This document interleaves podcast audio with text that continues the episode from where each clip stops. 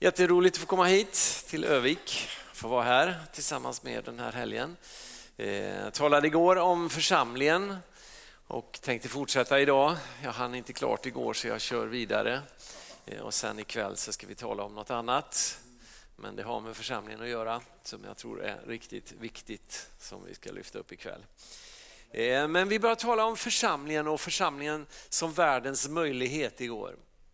Och jag började med att citera eh, Bill Hybels, en eh, pastor i USA, som har sagt så här, jag älskar det här uttrycket, det här uttalandet. Det finns ingenting som den lokala församlingen när den fungerar rätt. Dess skönhet är obeskrivlig, dess kraft får en att tappa andan, dess potential är obegränsad. Den tröstar de sörjande och hela de brutna i gemenskapens sammanhang. Den bygger broar till sökare och erbjuder sanning till de förvirrade. Den förser de behövande med resurser och öppnar sina armar för de glömda, de nedtrampade, de desillusionerade. Den bryter kedjor av missbruk, befriar de förtryckta och erbjuder tillhörighet till den här världens marginaliserade människor. Hur stort det mänskliga lidandet än är, så har församlingen en ännu större kapacitet för att erbjuda helande och helhet. Ännu till denna dag så är den lokala församlingens potential nästan för mer än jag kan fatta. Ingen annan organisation på jorden kan jämföras med den lokala församlingen. Ingen kommer ens nära. Så är det. Vi kanske inte alltid tycker så när vi tittar på vår församling och vi ser att det finns brister och sånt som inte är fullkomligt, för det gör det i alla våra församlingar på den här sidan av evigheten. Men det här är ändå sant. Den lokala församlingen är unik, dess möjligheter är fullständigt unika och församlingen är den här världens hopp. Ja, enda möjlighet faktiskt. Eh, så du och jag, vi är med i någonting som är oerhört viktigt och oerhört avgörande. Ehm, det är faktiskt det som kommer att bestå när allting annat rasar samman i den här världen. Så kommer församlingen att bestå. Guds ord kommer att bestå och den levande Gudens församling som han bygger kommer att bestå i evighet. I en annan form i den himmelska världen än här men, eh, men i alla fall så är det. Vi talade igår då om att församlingen måste vara en församling som vet vart den vill. Att få ha en tydlig vision, en tydlig målsättning, en tydlig inriktning. Och vi talade om att församlingen måste vara en församling som vill växa. Eh, vi, vi är lite eh, fega ibland i Sverige tycker jag på det här området. Men jag tycker att vi måste säga att vi vill vara en församling som vill växa. En församling som vill växa, inte bara lite grann, utan vill växa påtagligt. Jag menar, det kan ju inte vara så att det är meningen att de stolar som inte är fyllda idag ska vara icke fyllda stolar. Utan Guds tanke är att alla stolarna ska vara fyllda, eller hur? Det är Guds tanke, det är Guds vilja. Det finns, inte, inte för att vi liksom ska känna oj nu är vi många i första hand, utan därför att varje person är så värdefull för Herren. Varje person är så värdefull för Jesus. Han är så glad för dig, du är så viktig i hans ögon. Men det finns många människor också som ännu inte känner honom som behöver hitta hem till församlingen. Och Det finns också människor som redan är kristna men som liksom lever ett privat religiöst liv som behöver hitta in i den levande Gudens församling. Så är det. Guds tanke var inte att vi skulle vara privatreligiösa. Guds tanke var församlingen, gemenskapen. Ehm, och Det här är, är så viktigt att säga i, i Sverige idag. Hade du frågat de första apostlarna, kan man vara privatreligiös, hade de inte fattat frågan. Vad menar du? Att bli kristen, det var att hitta in i den kristna gemenskapen. Det här är vad du har kallats till, att ha gemenskap. Du är välkommen att ha gemenskap med oss, säger Johannes. Du är välkommen in i gemenskapen. Och den gemenskapen är en gemenskap med Fadern och hans son Jesus Kristus. Det man sa till människor som inte var kristna var, välkommen in i vår gemenskap. Och i den gemenskapen finns Gud, där finns Jesus Kristus. Man sa inte, börja tro på Gud och ha det för dig själv liksom. Utan att bli en kristen, det var att komma in i den kristna gemenskapen i församlingen. Idag tänkte jag lyfta fram en tredje sak som jag tror är viktig. Alltså vi ska vara en församling som vet vart vi vill. Vi ska vara en församling som vill växa. Och det tredje jag vill säga, det är att vi ska vara en församling som bygger på grunden. Och då går vi till Apostlagärningarna 2. Jag var inne på igår att, att vi måste våga tänka nytt. Vi måste våga göra saker och ting lite annorlunda än vad vi kanske har gjort ibland. Eh, men, men samtidigt som det är sant så är det också sant att vi måste bygga på grunden. Om vi går till Apostlagärningarna och läser igen de här fantastiska verserna ifrån Apostlagärningarna 2, med början på vers 41 kan vi läsa. De som då tog emot hans ord, alltså Petrus ord när han predikade, de döptes och så ökade antalet lärjungar den dagen med omkring 3000. De höll troget fast vid apostlarnas lära och gemenskapen, vid brödsbrytelsen och bönerna. Och fruktan kom över alla och många under och tecken gjordes genom apostlarna.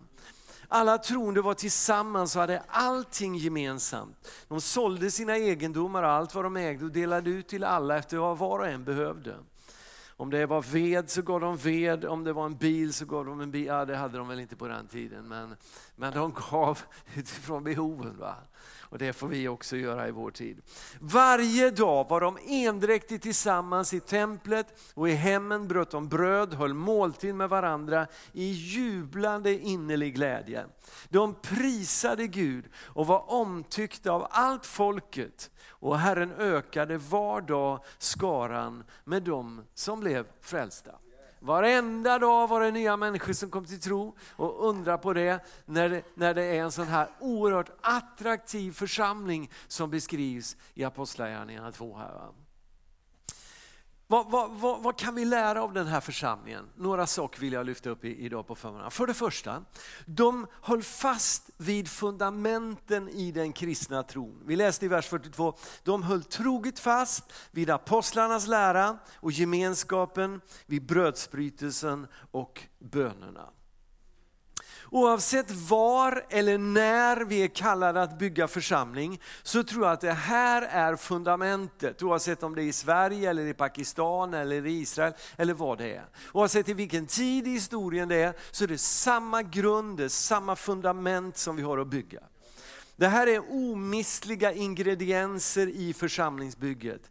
Det här är någonting som vi alltid måste hålla fast vid apostlarnas lära, gemenskapen, brödsbrytelsen och bönerna. Du kan inte bygga församlingen på någon annan grund än den apostoliska läran och den apostoliska praxisen.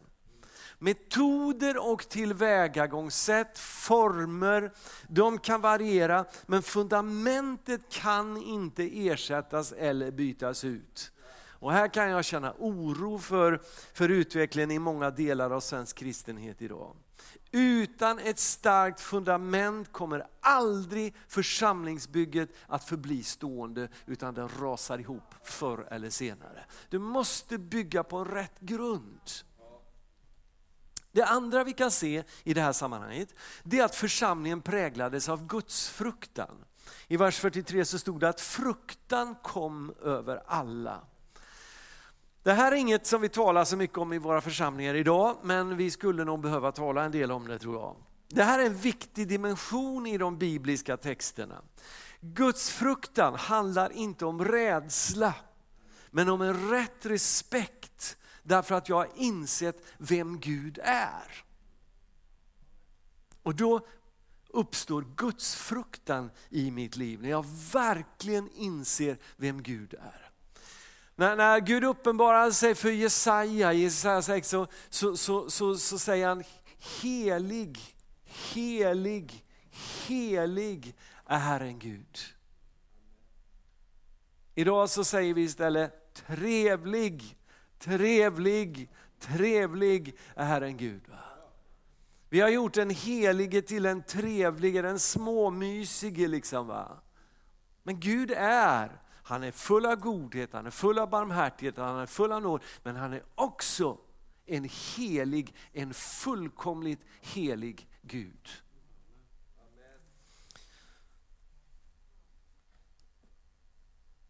Om Gud inte får vara helig ibland oss så kommer resultatet att bli att vi rövar liksom initiativet ifrån Gud. Vi, vi, vi rövar församlingen, vi tar den och så gör vi den till vårt. Va? Församlingen ska vara ett bönens hus, står det, men ni har gjort det till ett rövarnäste. Alltså ni, ni, har, ni har rövat initiativet. När inte bönen får vara det som är det centrala så, så, så, så kommer vi att röva initiativet ifrån Gud. Guds fruktan tror jag är oerhört viktigt att det får upprättas på ett mer påtagligt sätt i, i församlingen. Så att vi bygger församlingen på Guds villkor, inte på våra villkor. Och utan den komponenten, utan gudsfruktan, så kommer Gud att bli en karikatyr och församlingsbygget kommer också att bli det. För det tredje, de rörde sig i en övernaturlig dimension. Det står i, i fortsättningen på vers 43 att många under och tecken gjordes genom apostlarna. Jag tror att om det riktigt ska explodera i våra församlingar så måste vi på ett ännu påtagligare sätt få tag i den här dimensionen av det kristna livet, den övernaturliga dimensionen. Det finns mycket naturligt i, i församlingen som vi ska göra. Liksom, va? Servera kyrkkaffe och sådär. Men det finns också övernaturliga dimensioner i den kristna församlingen. Och det här måste gå hand i hand, det naturliga och det övernaturliga. Och det måste, liksom, jag brukar säga så att det kristna livet är naturligt, övernaturligt, övernaturligt, naturligt. Hänger du med på det? Alltså, det är, det är så det är så naturligt egentligen det här kristna livet så det är övernaturligt naturligt. Det är inget konstigt, inget knepigt, utan det är övernaturligt naturligt. Men det finns en övernaturlig dimension i det och den är naturligt övernaturlig. Alltså det är inte så att du behöver bli knepig och konstig och märklig i det övernaturliga. Utan du kan på ett naturligt sätt fungera i det övernaturliga, den övernaturliga dimensionen. Och jag är medveten om att det finns mycket sår i våra församlingar på det här området med, med helande och så här. Va? Men lösningen är ju inte att vi släpper det här. Alltså lika lite som lösningen är därför att det finns pengar som är falska så slutar du ju inte använda pengar, eller hur? Om det finns sånt som har gjorts som inte har varit bra på det här området så innebär inte det att vi slutar fungera på det här området. Utan vi försöker göra det på ett bättre sätt då på ett mer sunt sätt än vad vi kanske ibland har gjort det. Och där vi har, har sårat på ett onödigt sätt på det här området. Va? Men vi behöver verkligen sträcka oss efter den övernaturliga dimensionen av det kristna livet. Jag gillar en boktitel av en man som heter Peter Wagner. Han har skrivit en bok som heter How to have a healing ministry without making your church sick. Det är en väldigt bra boktitel. Hur har du en helande tjänst utan att det blir sjukt i församlingen? Liksom, va? Och det, det är en väldigt, väldigt eh, bra fråga att fundera en del kring. Va? Men, men, om man tittar på det här med Jesu tjänst så kan man se hur oerhört centralt det här med helandet var i Jesu tjänst och det övernaturliga. Av de fyra evangeliernas 3774 verser, då har vi räknat ut att det finns så många verser i, i evangelierna. Va? 3774 verser. Av dem handlar 484 om hur kroppsliga och mentala sjukdomar botas och hur döda blir uppväckta. Och ännu mer imponerande blir det om man tänker på att av de 1257 berättande verserna, alltså verser som inte handlar om undervisning och så här, utan som berättar vad som sker. Av de 1257 verserna så ägnar evangelierna 484 eller 38,5 procent åt att skildra Jesu helande tjänst. Nästan 40 procent av det som berättas i evangelierna handlar om helande. Då kan ju det inte vara någonting som vi bara liksom skjuter ut i marginalen i församlingen och vi, vi sysslar med det någon gång, liksom, en gång om året eller så. Utan det måste vara någonting väldigt centralt i våra församlingar. För Jesus Kristus är densamme igår, idag, såg till evig tid. Likadant som han var då är han idag och kommer alltid att vara. Det som han gjorde då vill han också göra idag. Och I den första församlingen så hade det här en så framträdande plats. Och Ofta fungerade också helandet som en dörröppnare för människor att komma till tro. Ofta när människor blev helade så kom de också till tro. Och Det här behöver vi få se idag också. Eh, och jag tror att Gud gör någonting på det här området och han vill göra mer på det här området. Jag var över till, till Los Angeles i, i, eh, i, i eh, april nu på något som kallas för Susa Now. Det var 110-årsdagen av andutgjutelsen på Susa Street och man hade hyrt eh, eh, Colosseum Memorial, Olympiastadion i, i Los Angeles. Och så var det 65 000 människor som hade samlats där för att under 15 timmar be, tillbe och be framförallt om en ny andutgjutelse. Där. För William Seymour som var det speciella redskapet för, för, för i, i samband med andutgjutelsen eh, eh 1906. Han, han profeterade mot slutet av sitt liv om att ungefär 100 år senare så kommer det en ännu starkare andutgjutelse som kommer att beröra hela världen. Jag kom hem från kyrkan en söndag. Vi satte oss ner, Karin och jag, framför tvn, tog en fika. Vi hade inte hunnit fika direkt i kyrkan så vi satte oss och så sa vi vi äter lite senare. Så satte vi oss och tog en rejäl fika framför tvn och så tittade vi på God TV. Jag hamnade på en, en gudstjänst från Los Angeles från slutet av hösten förra året. Eh, där, där, Jesus Culture hade haft sju stycken kvällar om bön, med undervisning om bön. Och sista kvällen så var det deras director Benning Liebscher som, som predikade. Och I slutet av predikan, fantastiskt bra predikan om bön, så, så tar han fram den här mannen Lou Engel. Som alltså är ledare för en förbundsrörelse som heter The Call. Jag hade ingen aning om vem han var. Men när han kom fram så, så, så, så det fullständigt knockade mig. Alltså jag var som en blöt fläck efteråt. Eh, han, han brann som en fackla den här mannen. Och jag insåg liksom att den här dimensionen av bön som han har, som han lever i, det är någonting som vi behöver. Ska vi, ska vi se vårt land förvandlat så räcker det inte med lite småtrevliga predikningar och lite allmän käckhet ifrån oss kristna, även om det kan vara bra i sig. Va? Utan det behövs en annan dimension av bön. Och, och eh, av olika anledningar så, så, så, blev det så att jag åkte iväg dit och, och, var med på den där dagen och det var fantastiskt. Det var fantastiskt att få vara där. Och när jag kom hem från, från eh, Los Angeles söndagen efter så predikade jag och sen så visade jag istället för att berätta lite grann om vad jag hade varit med om så visade jag ett kort klipp därifrån den här dagen. Och Guds ande föll över församlingen. Och när jag gick ner och hade predikat klart och vi hade sett den här klippet, vi bjöd fram till förbön, så kommer en av, av våra församlingsledare som heter Fredrik Larsson. Eh, han kom från Hudiksvall förresten från början, kommer mycket gott från Norrland. Han kommer fram och så säger han så här till mig, du jag upplever att Gud säger att vi ska be för någon som har vattenskalle idag. Jag vet knappt vad det är, sa han, men jag upplever att Gud säger det. Så han går fram och säger att, att eh, jag tror att Gud vill hela någon som, som, som lider av vattenskalle. Jag vet inte riktigt vad det är, sa han, men, men jag tror att jag upplever att Gud säger det. Och då står det redan en kvinna vid förbönsplatsen som har gått fram till förbön. Hon säger till sin förebedjare då, hör du, han beskriver mig nu. Hon var född med vattenskalle och hon hade under, under livet utvecklat väldigt mycket kramper. Så hon, hon levde med dagliga kramper, svåra kramper. Och vi ber för henne och Guds ande slår ner i den här kvinnans liv. Från den dagen, den, det här var alltså den, den 17 april, så har hon inte haft en enda kramp. Inte en enda kramp. Hon har försökt provocera fram kramper. Hon kunde väldigt lätt provocera fram kramper för om hon tittade in i ett, ett lysrör exempelvis i starkt ljus så fick hon direkt en kramp. Hon har försökt provocera fram men hon, hon, hon lyckas inte. Där.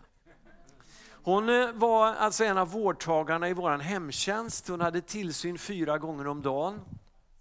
Hon har avsagt sig hemtjänsten nu för hon behöver den inte längre. Så Gud motarbetar vårt företag. Jag vet inte vad han tänker på. Vi blev van med en av våra vårdtagare. Men det får gärna vara så. Alltså det är fantastiskt. Hon, hon, hon, hon säger det, hon visar, eh, hon kom fram söndagen efter och visade, jag har aldrig kunnat stå på ett ben, jag har inte haft balans i min kropp. Titta här, säger hon. Det här har jag aldrig kunnat göra. Eh, hon, hon, hon, säger att hon, hon till och med tycker att hennes matematiska färdigheter har utvecklats. Och så säger hon, det händer fantastiskt mycket i min kropp, men det händer någonting på insidan också. Det är fantastiskt. Lite senare den, den, den dagen efter gudstjänsten precis så kom det fram en, en ung kvinna till mig och säger så här, du de bad för mig vid böneplatsen idag. Din fru och en kvinna till bad för mig och de bad på japanska båda två.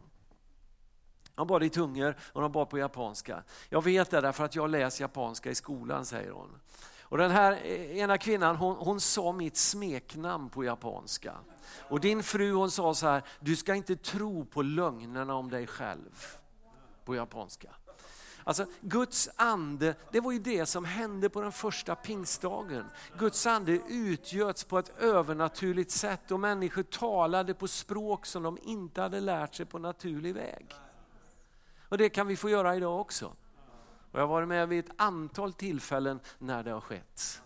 Jag minns när min pappa förresten berättade ett fantastiskt sånt där exempel. Han, han kom till tro när han var strax över 20. Det fanns en man i Bålänge där han växte upp som hette Lundahl, en, en bonde som, som eh, vid ett tillfälle upplevde att Gud talade till honom. Och Gud sa till honom att han skulle sälja sin bästa mjölkko. Och så skulle han gå till en viss adress och så skulle han ge de här pengarna till någon som heter Elsa.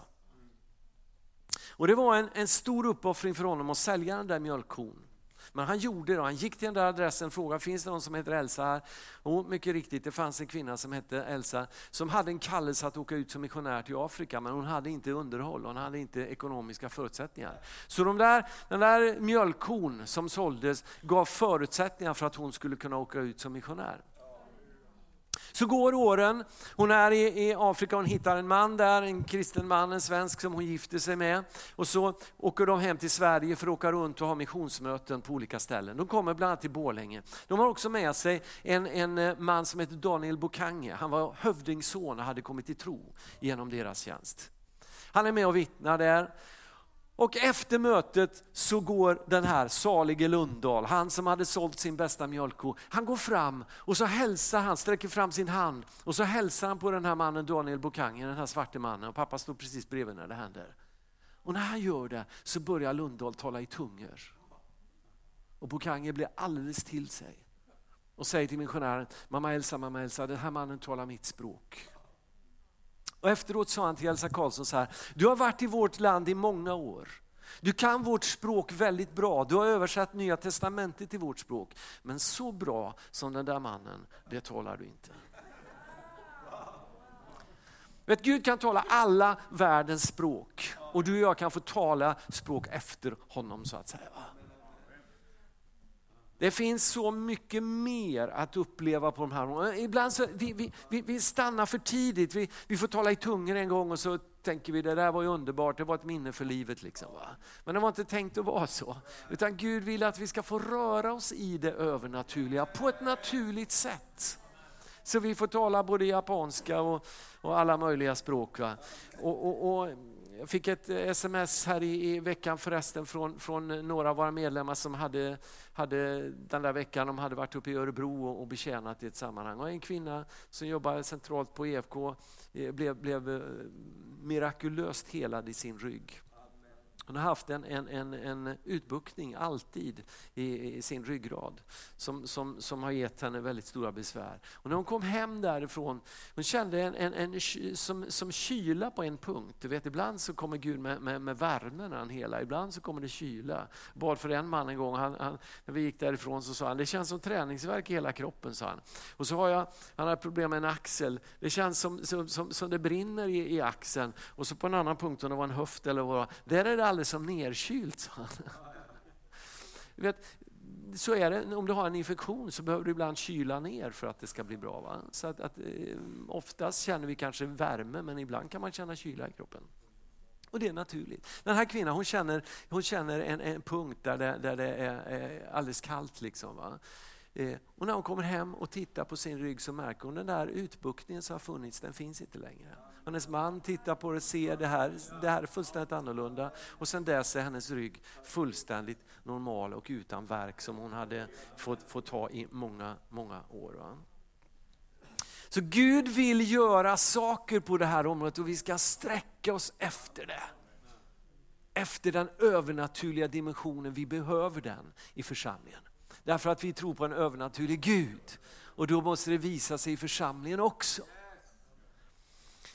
För det fjärde, de levde ut ordet gemenskap. Alla troende var tillsammans och hade allting gemensamt. De, de, de, de var en gemenskap. De var tillsammans, de visade i praktiken vad orden gemenskap, kärlek och omsorg betyder. Vi ska fungera i den övernaturliga dimensionen, men vi behöver också fungera i det här naturliga med gemenskap. Församlingen måste få vara en gemenskap. Det här är alltså det största sociala behovet i vårt land idag, det är ensamhet. Det är det största sociala problemet i Sverige. Det är ensamhet. Människor är så ensamma. Trots att världen har krympt så har vi kommit längre och längre ifrån varandra.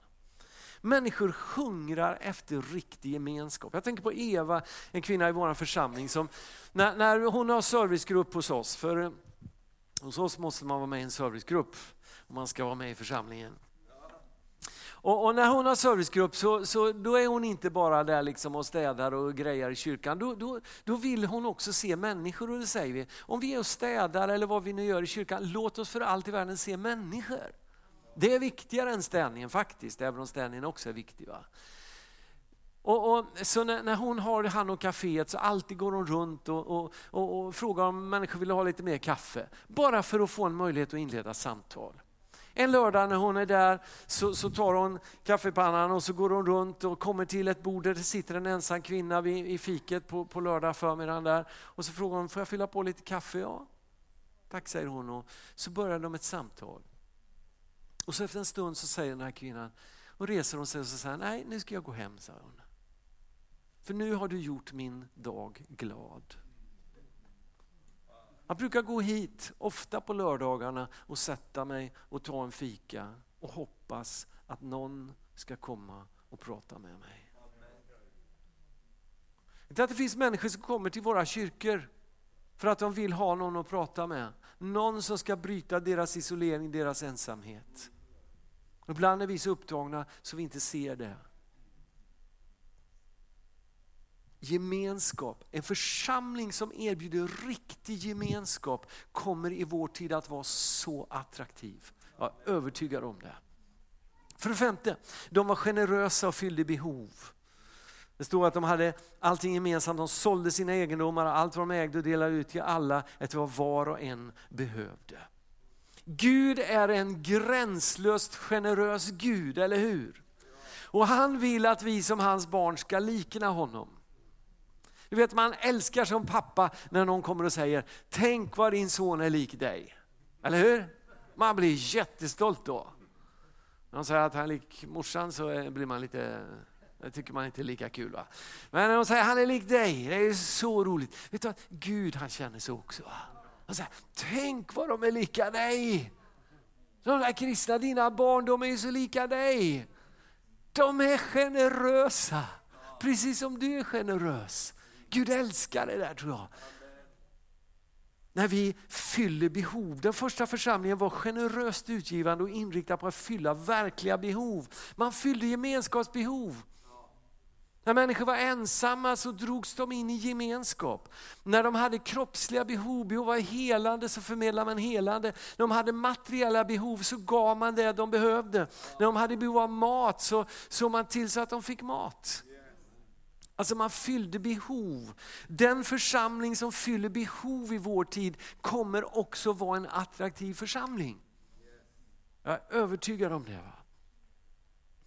Och, och, här behöver vi vara en församling som, som, som betjänar människor till både ande, själ och kropp. Till hela människan. Inte bara fylla andliga behov utan också fylla behov på när det gäller själslivet och, och, och kroppen när det handlar om gemenskap. Inte bara liksom förmedla syndernas förlåtelse till människor, utan också föra människor som lever i ensamhet in i gemenskap.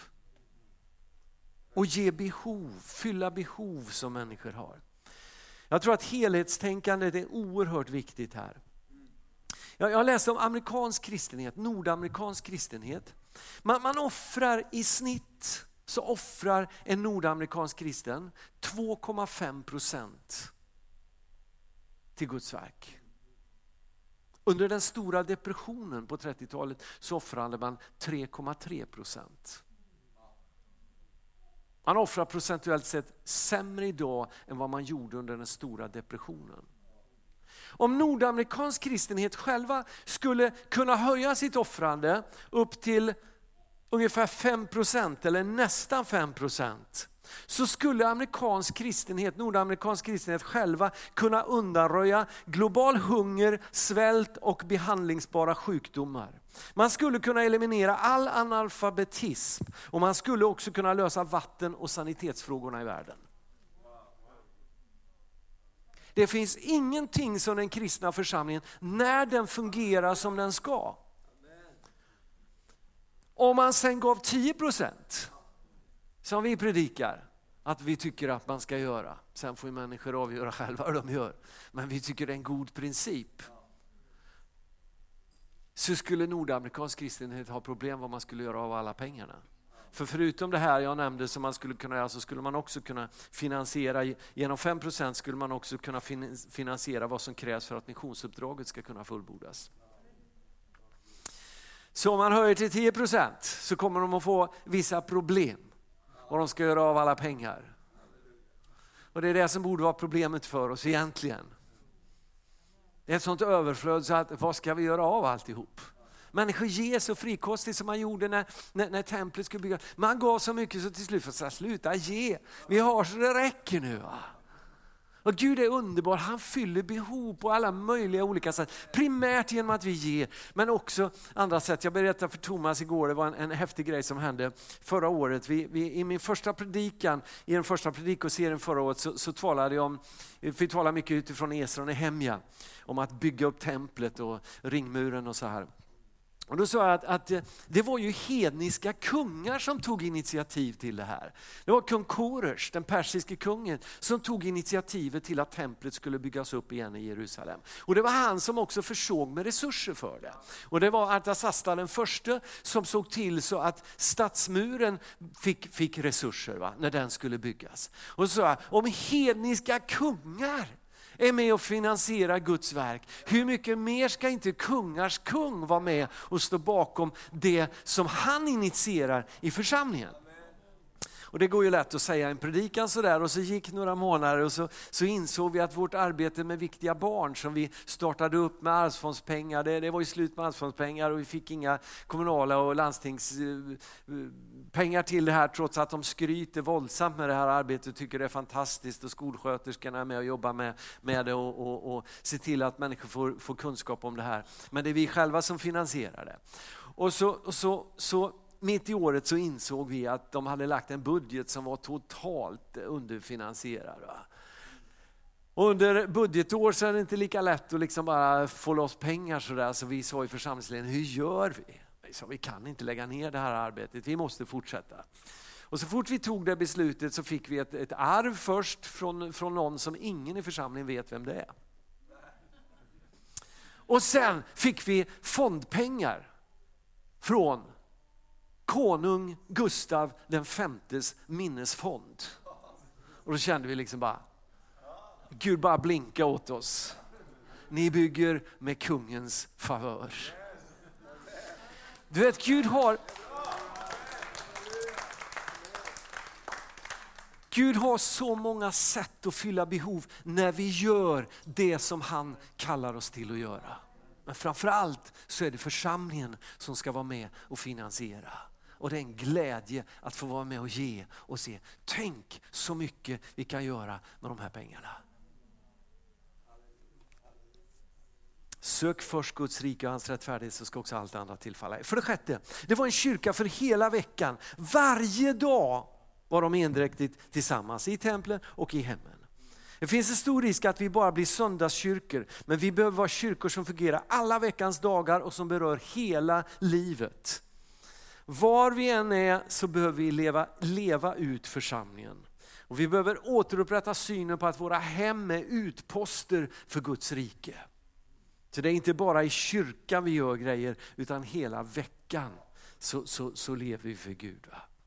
Och det här det är rätt häftigt. Vi, vi, har sett människor bli helade, inte bara när vi möts till gudstjänst utan i hemgrupper, till och med på träningspass i, i, i vår friskvård så är det människor som har blivit helade under det de har på liksom, eh, jobbat med kroppen.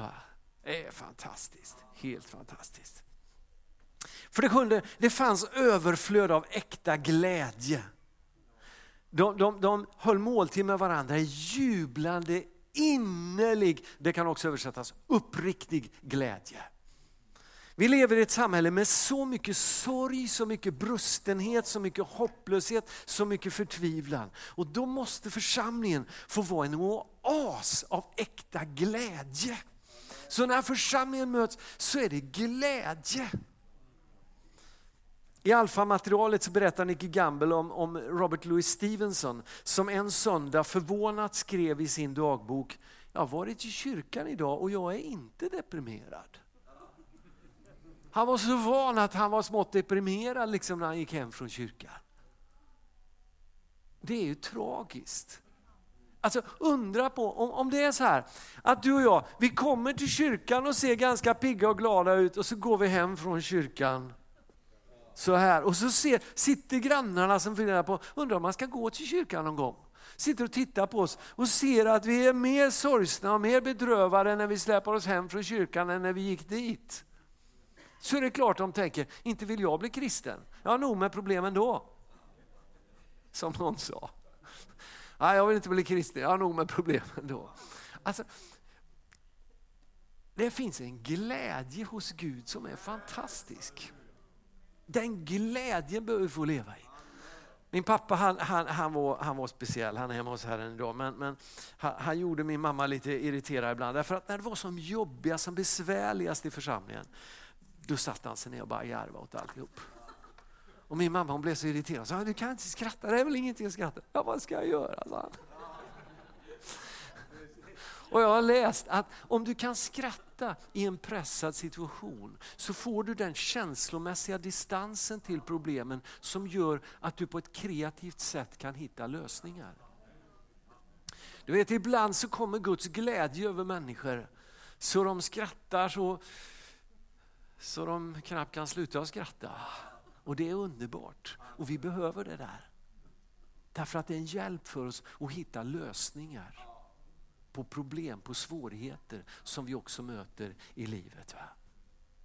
Äkta glädje, det behöver vi i församlingen. Två korta saker till. De levde i lovprisning. De prisade Gud, står det. Den första församlingen levde i en kontinuerlig lovprisning till Gud.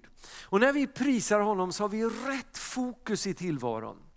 Det är inte vi utan det är han som är universums centrum. Det är honom vi fäster blicken på. Och vi, vi, vi skryter om honom, vi upphöjer honom, vi ger honom äran, vi beskriver hur han är. Och då får vi rätt perspektiv på saker och ting. Vi behöver leva i lovprisning i våra församlingar. Om vi ska få, få, få göra det Gud vill så behöver vi få den bilden på tillvaron som lovsången och lovprisningen ger oss.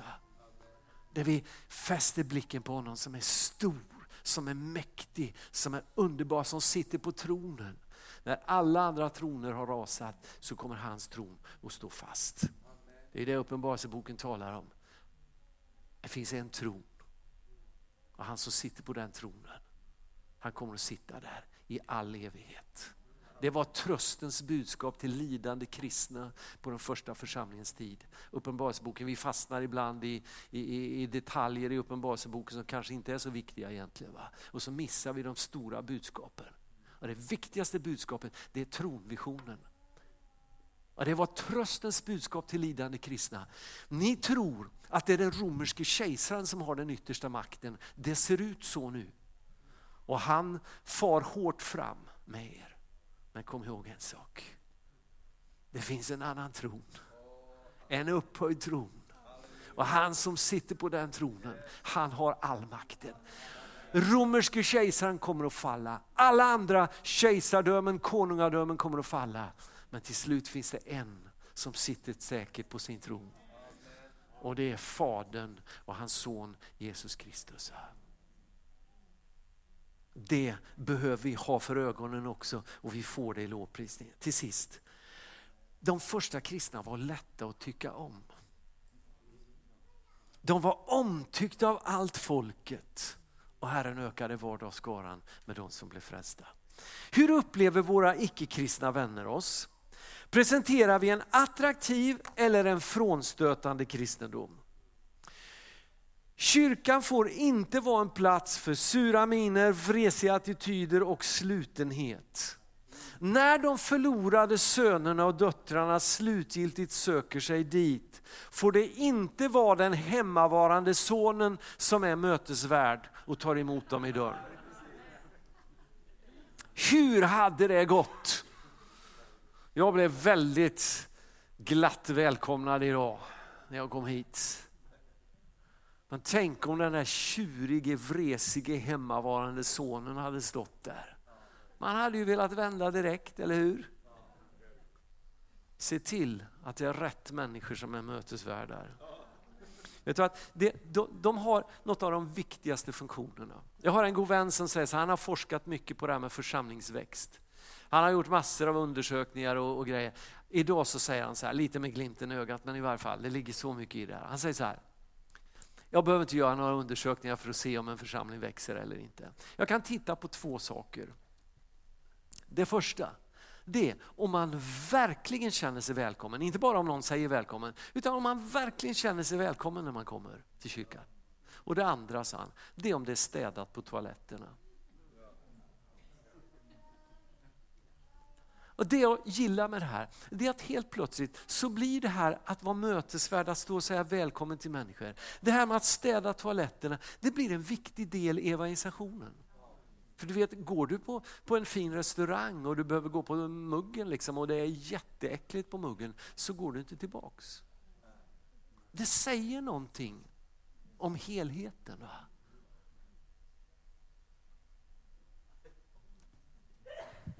Vi hade en, en kille i Falun som, som, som blev frälst. Ungdomarna körde någonting som de kallar för sen kväll med Gud. Första kvällen de körde så är det en kille som, som, eh, som, eller ett gäng killar som kommer lite sent. Samlingen har börjat redan och de kikar in där och ser att det redan, har redan börjat så att eh, de är på väg att vända. Men då, då är Charlie snabbt där, en av killarna då och säger riktigt välkommen till dem och säger vi har reserverat plats längst bak, ni behöver inte gå långt fram. Det är också väldigt bra om man vill se väckelse i en församling. Fyll kyrkan framifrån, inte bakifrån. En kyrka, ställer Sjöbrandsson, en kyrka som fyller, för, fyller lokalerna bakifrån tror inte på väckelse. Det ligger någonting i det. Liksom, va? Fyll på framifrån så att människor som inte är vana inte behöver gå fram och bli uttittade utan de kan slinka in lite enkelt. Va? Hur som helst, de sätter sig på sista bänken de där grabbarna och i slutet av samlingen så tar Kristoffer emot Jesus. Nästa gång de skulle ha en sån här senkväll med Gud så säger Niklas då som var ungdomspastor, han säger så här till ett gäng ungdomar, vad tycker ni är viktigt nu? Vad ska vi tänka på? Vad ska vi göra den här gången? Direkt sträcker Kristoffer upp handen och så säger han så här, Charlie ska stå vid dörren. Han brydde sig inte om vem som skulle predika eller vilka som skulle leda lovsång, men Charlie måste stå vid dörren. För om inte Charlie hade stått vid dörren så hade inte jag blivit kvar och då hade jag inte blivit en kristen. Jag brukar säga så här, långt innan pastorn öppnar munnen första gången har nya människor bestämt sig för om de tänker komma tillbaks eller inte. Och det är inte pastorn som har det är mötesvärdarna. Det är så viktigt. Och när du ska vara mötesvärd så tänk då inte så här. Oh, då är det jag som står på listan igen, ja, jag får åka dit och stå där. Tänk så här nu ska jag åka ner. Och så ska jag försöka vara den bästa mötesvärd jag kan vara. Jag ska försöka få människor att känna sig så välkomna det bara går. Och jag ska be Gud om att om det är någon som behöver en särskild hälsning, en särskild uppmuntran, så låt mig få ge det. Vad kommer att hända?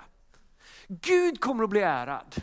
För Gud blir ärad när vi gör vårt bästa, inte när vi gör vårt sämsta eller gör saker och ting halvhjärtat.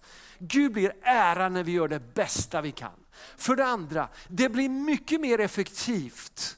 Och för det tredje, du kommer att ha mycket roligare. För det är urtråkigt att göra saker halvhjärtat och oengagerat och på sparlåga. Liksom. Men tänk när vi börjar i en församling, alla börjar göra sitt bästa. Den som står som mötesvärd gör sitt allra bästa för att få människor att känna sig så välkomna som möjligt. De som är tekniker gör sitt allra bästa. De som kokar kaffet gör så gott kaffe som det bara går. De som bakar gör, de gör det så bra. Och pastorn, han känner, nu kan inte jag göra det halvhjärtat. Nu måste jag också bjuda till och göra mitt bästa.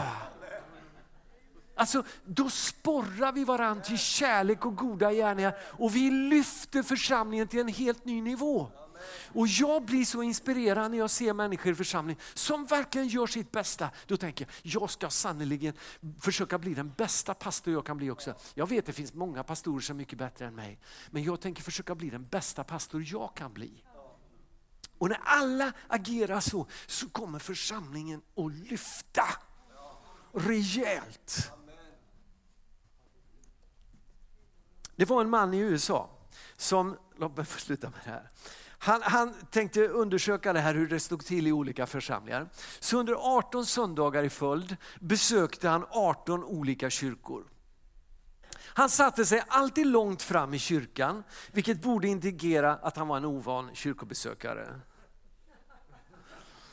Efter gudstjänstens slut promenerade han långsamt bakåt, återvände sen framåt mot estraden och vandrade därefter bakåt igen i någon annan gång. Om det fanns fler gånger. Han var snyggt klädd. Han log vänligt mot andra gudstjänstbesökare och gjorde det till en huvudsak att inleda ett samtal med åtminstone en annan person. Om det serveras kyrkkaffe så stannade han också alltid kvar på det. Och mannen använde sig av följande skala för att gradera sitt mottagande. Jag tror vi har en bild på det. Har vi det? 10 poäng för ett leende från en annan gudstjänstdeltagare. Om någon log mot honom, han behövde inte ens hälsa, log bara, 10 poäng. 10 poäng för en hälsning från en annan gudstjänstdeltagare. Hej! 10 poäng. 100 poäng om en gudstjänstdeltagare utbyter namn med honom. Hej, jag heter Hans. Och du heter? Man byter namn. 100 poäng. Bra. 200 poäng om han blev inbjuden till en gudstjänst till. Om man brydde sig om liksom att säga, du, kul att du var här idag, vi har gudstjänst på onsdag kväll igen, du är välkommen hit då. Fick man 200 poäng. Bara det. 1000 poäng om han blev presenterad för en annan person. Alltså Thomas hälsade och sa, ja men det här är, det här är, den här, det här är Roland. Och så presenterade han för en till. Liksom. Då var det tusen poäng och så högoddsaren 2000 poäng om han blev inbjuden att träffa pastorn. Det var i USA som vi sa. På den, man kan ju ha åsikter om den här skalan, men det är ganska intressant. På den här skalan fick 11 av de här 18 kyrkorna mindre än 100 poäng. 11 av 18 kyrkor fick mindre än 100 poäng. Fem kyrkor fick mindre än 20 poäng. Fem av 18 kyrkor, det vill säga ungefär 30 procent fick mindre än 20 poäng. Det är en skam. Hans slutsats var den här. Läran kan vara biblisk, sången kan vara inspirerande och predikan upplyftande. Men när nykomlingen märker att ingen fäster något avseende vid om de är där eller inte, så är det knappast troligt att man återvänder. Och frågan är, vilken poäng får er församling när det kommer nya människor på besök hit. Det är så avgörande faktiskt. För om församlingen liksom ska bli en attraktiv församling som lockar till sig nya människor. Om det ska bli så här att varje dag är det nya människor som kommer till tro. Det har att göra med Guds närvaro, det har att göra med under och tecken och alla möjliga saker. Men det har också att göra med väldigt enkla, naturliga saker. Som att faktiskt få människor att känna sig riktigt välkomna. Du och jag kan inte göra under. Vi kan inte bota människor. Vi kan med Guds hjälp få förmedla helande, men vi styr inte över det. Men det är klart att ju mer vi ber, ju mer får vi se. Men en sak som vi styr över, som vi verkligen kan påverka, det är om människor verkligen känner sig välkomna. Och du vet, om, om er församling får bli en riktigt bra församling på det området. Och så lägger man till alla de andra åtta punkterna också utöver det. Så kommer det att lyfta rejält i den här församlingen. Möjligheterna finns definitivt. Så är det. Om du hittar någonting som är viktigare att satsa din tid, ditt engagemang, din energi och dina pengar på än församlingen, så satsa dem där. Men du hittar inget. Det finns inget som är mer värt att satsa helt och fullt på än den kristna församlingen. Den levande Gudens församling. Kan vi be tillsammans? Kan vi stå upp tillsammans?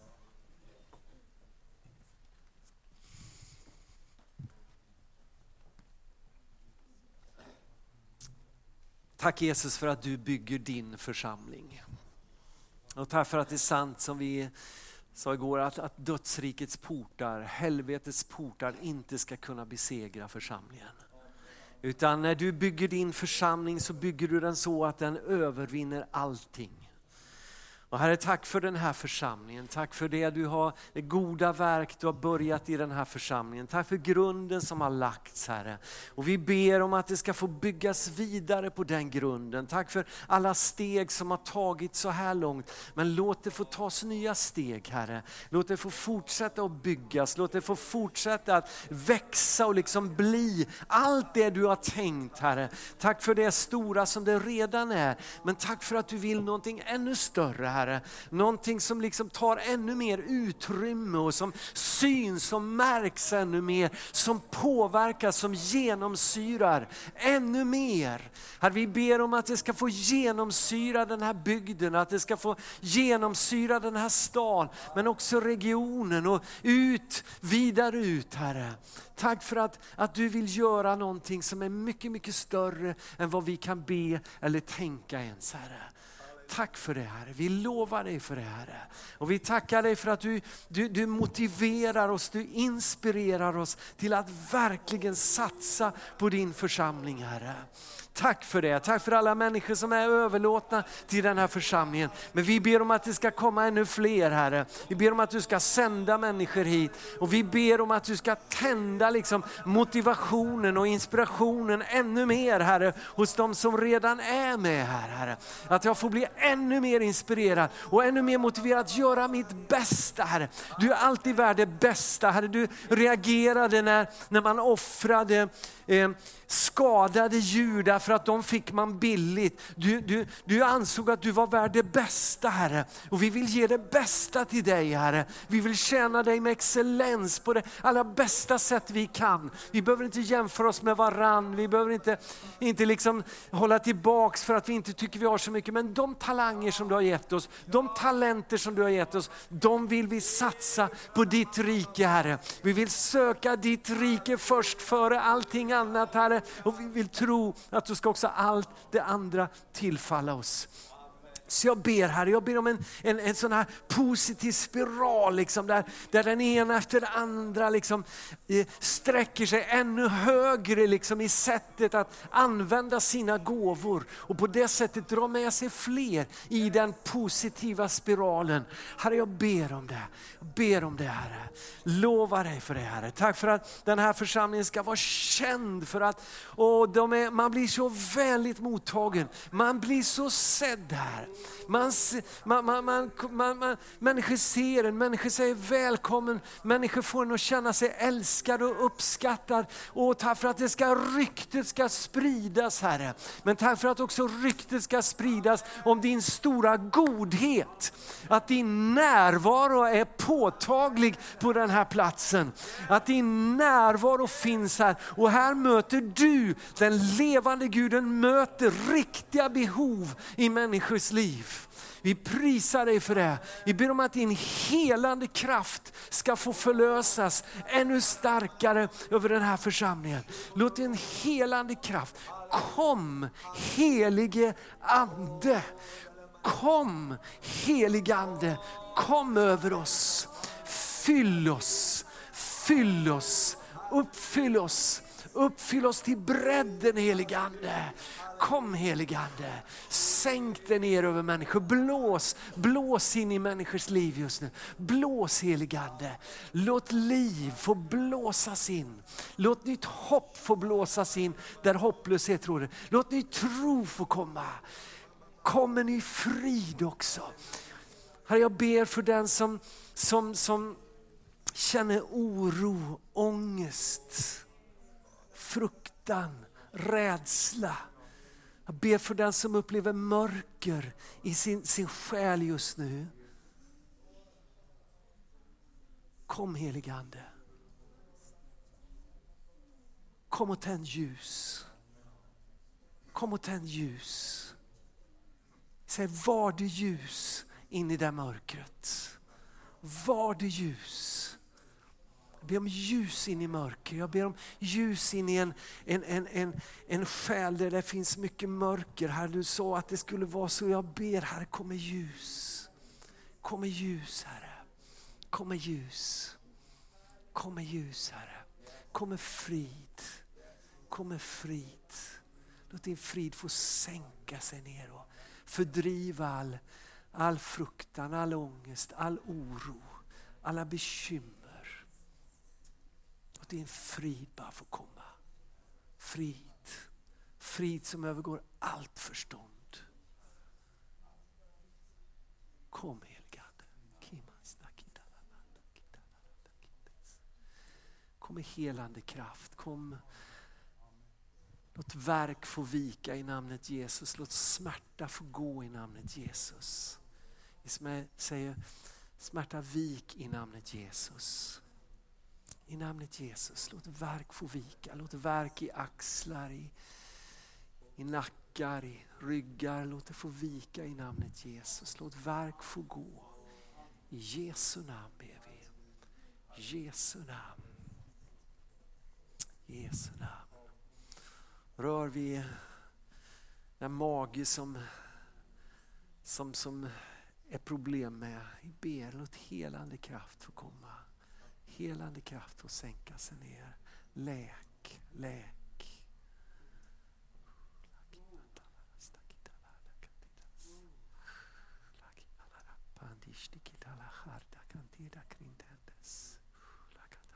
Migrän får vika i namnet Jesus. Låt migrän få vika. Låt migrän få släppa sitt grepp. Var helad från migrän i Jesu namn. Jesu namn. Ber om att rör vid en ljumske just nu också. Så. Herre, rör vid en ljumske just nu. Herre, i Jesu namn ber vi om det. Att helande kraft bara sänka sig ner över oss och vila över oss. Bryt, bryt också. Bryt um, bojor, kedjor som binder just nu, som håller människor bundna, håller människor fast på olika områden. Bryt bojor just nu, Herre. Proklamera frihet, frihet i, i själsliv, Herre. Frihet.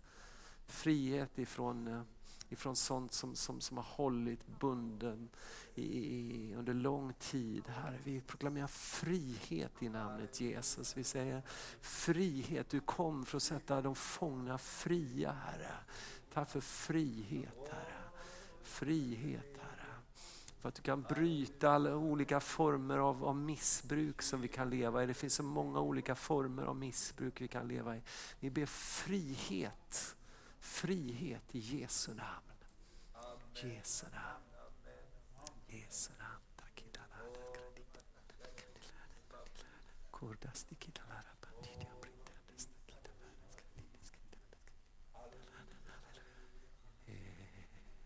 Ska vi be lovsångarna komma fram också så kan vi stå kvar och så lovsjunger vi Herren en stund och, och eh, känner du så att du vill få förbön så ber vi gärna för dig. Du får gärna komma fram. Du kan ta det där borta vid första stolsraden där. Om, om du känner att du vill att någon ber för dig, om du känner att Gud gör någonting i dig just nu och du, du vill få förbön för det så, så um, får du gärna komma fram. Så ber vi gärna för dig och välsignar dig.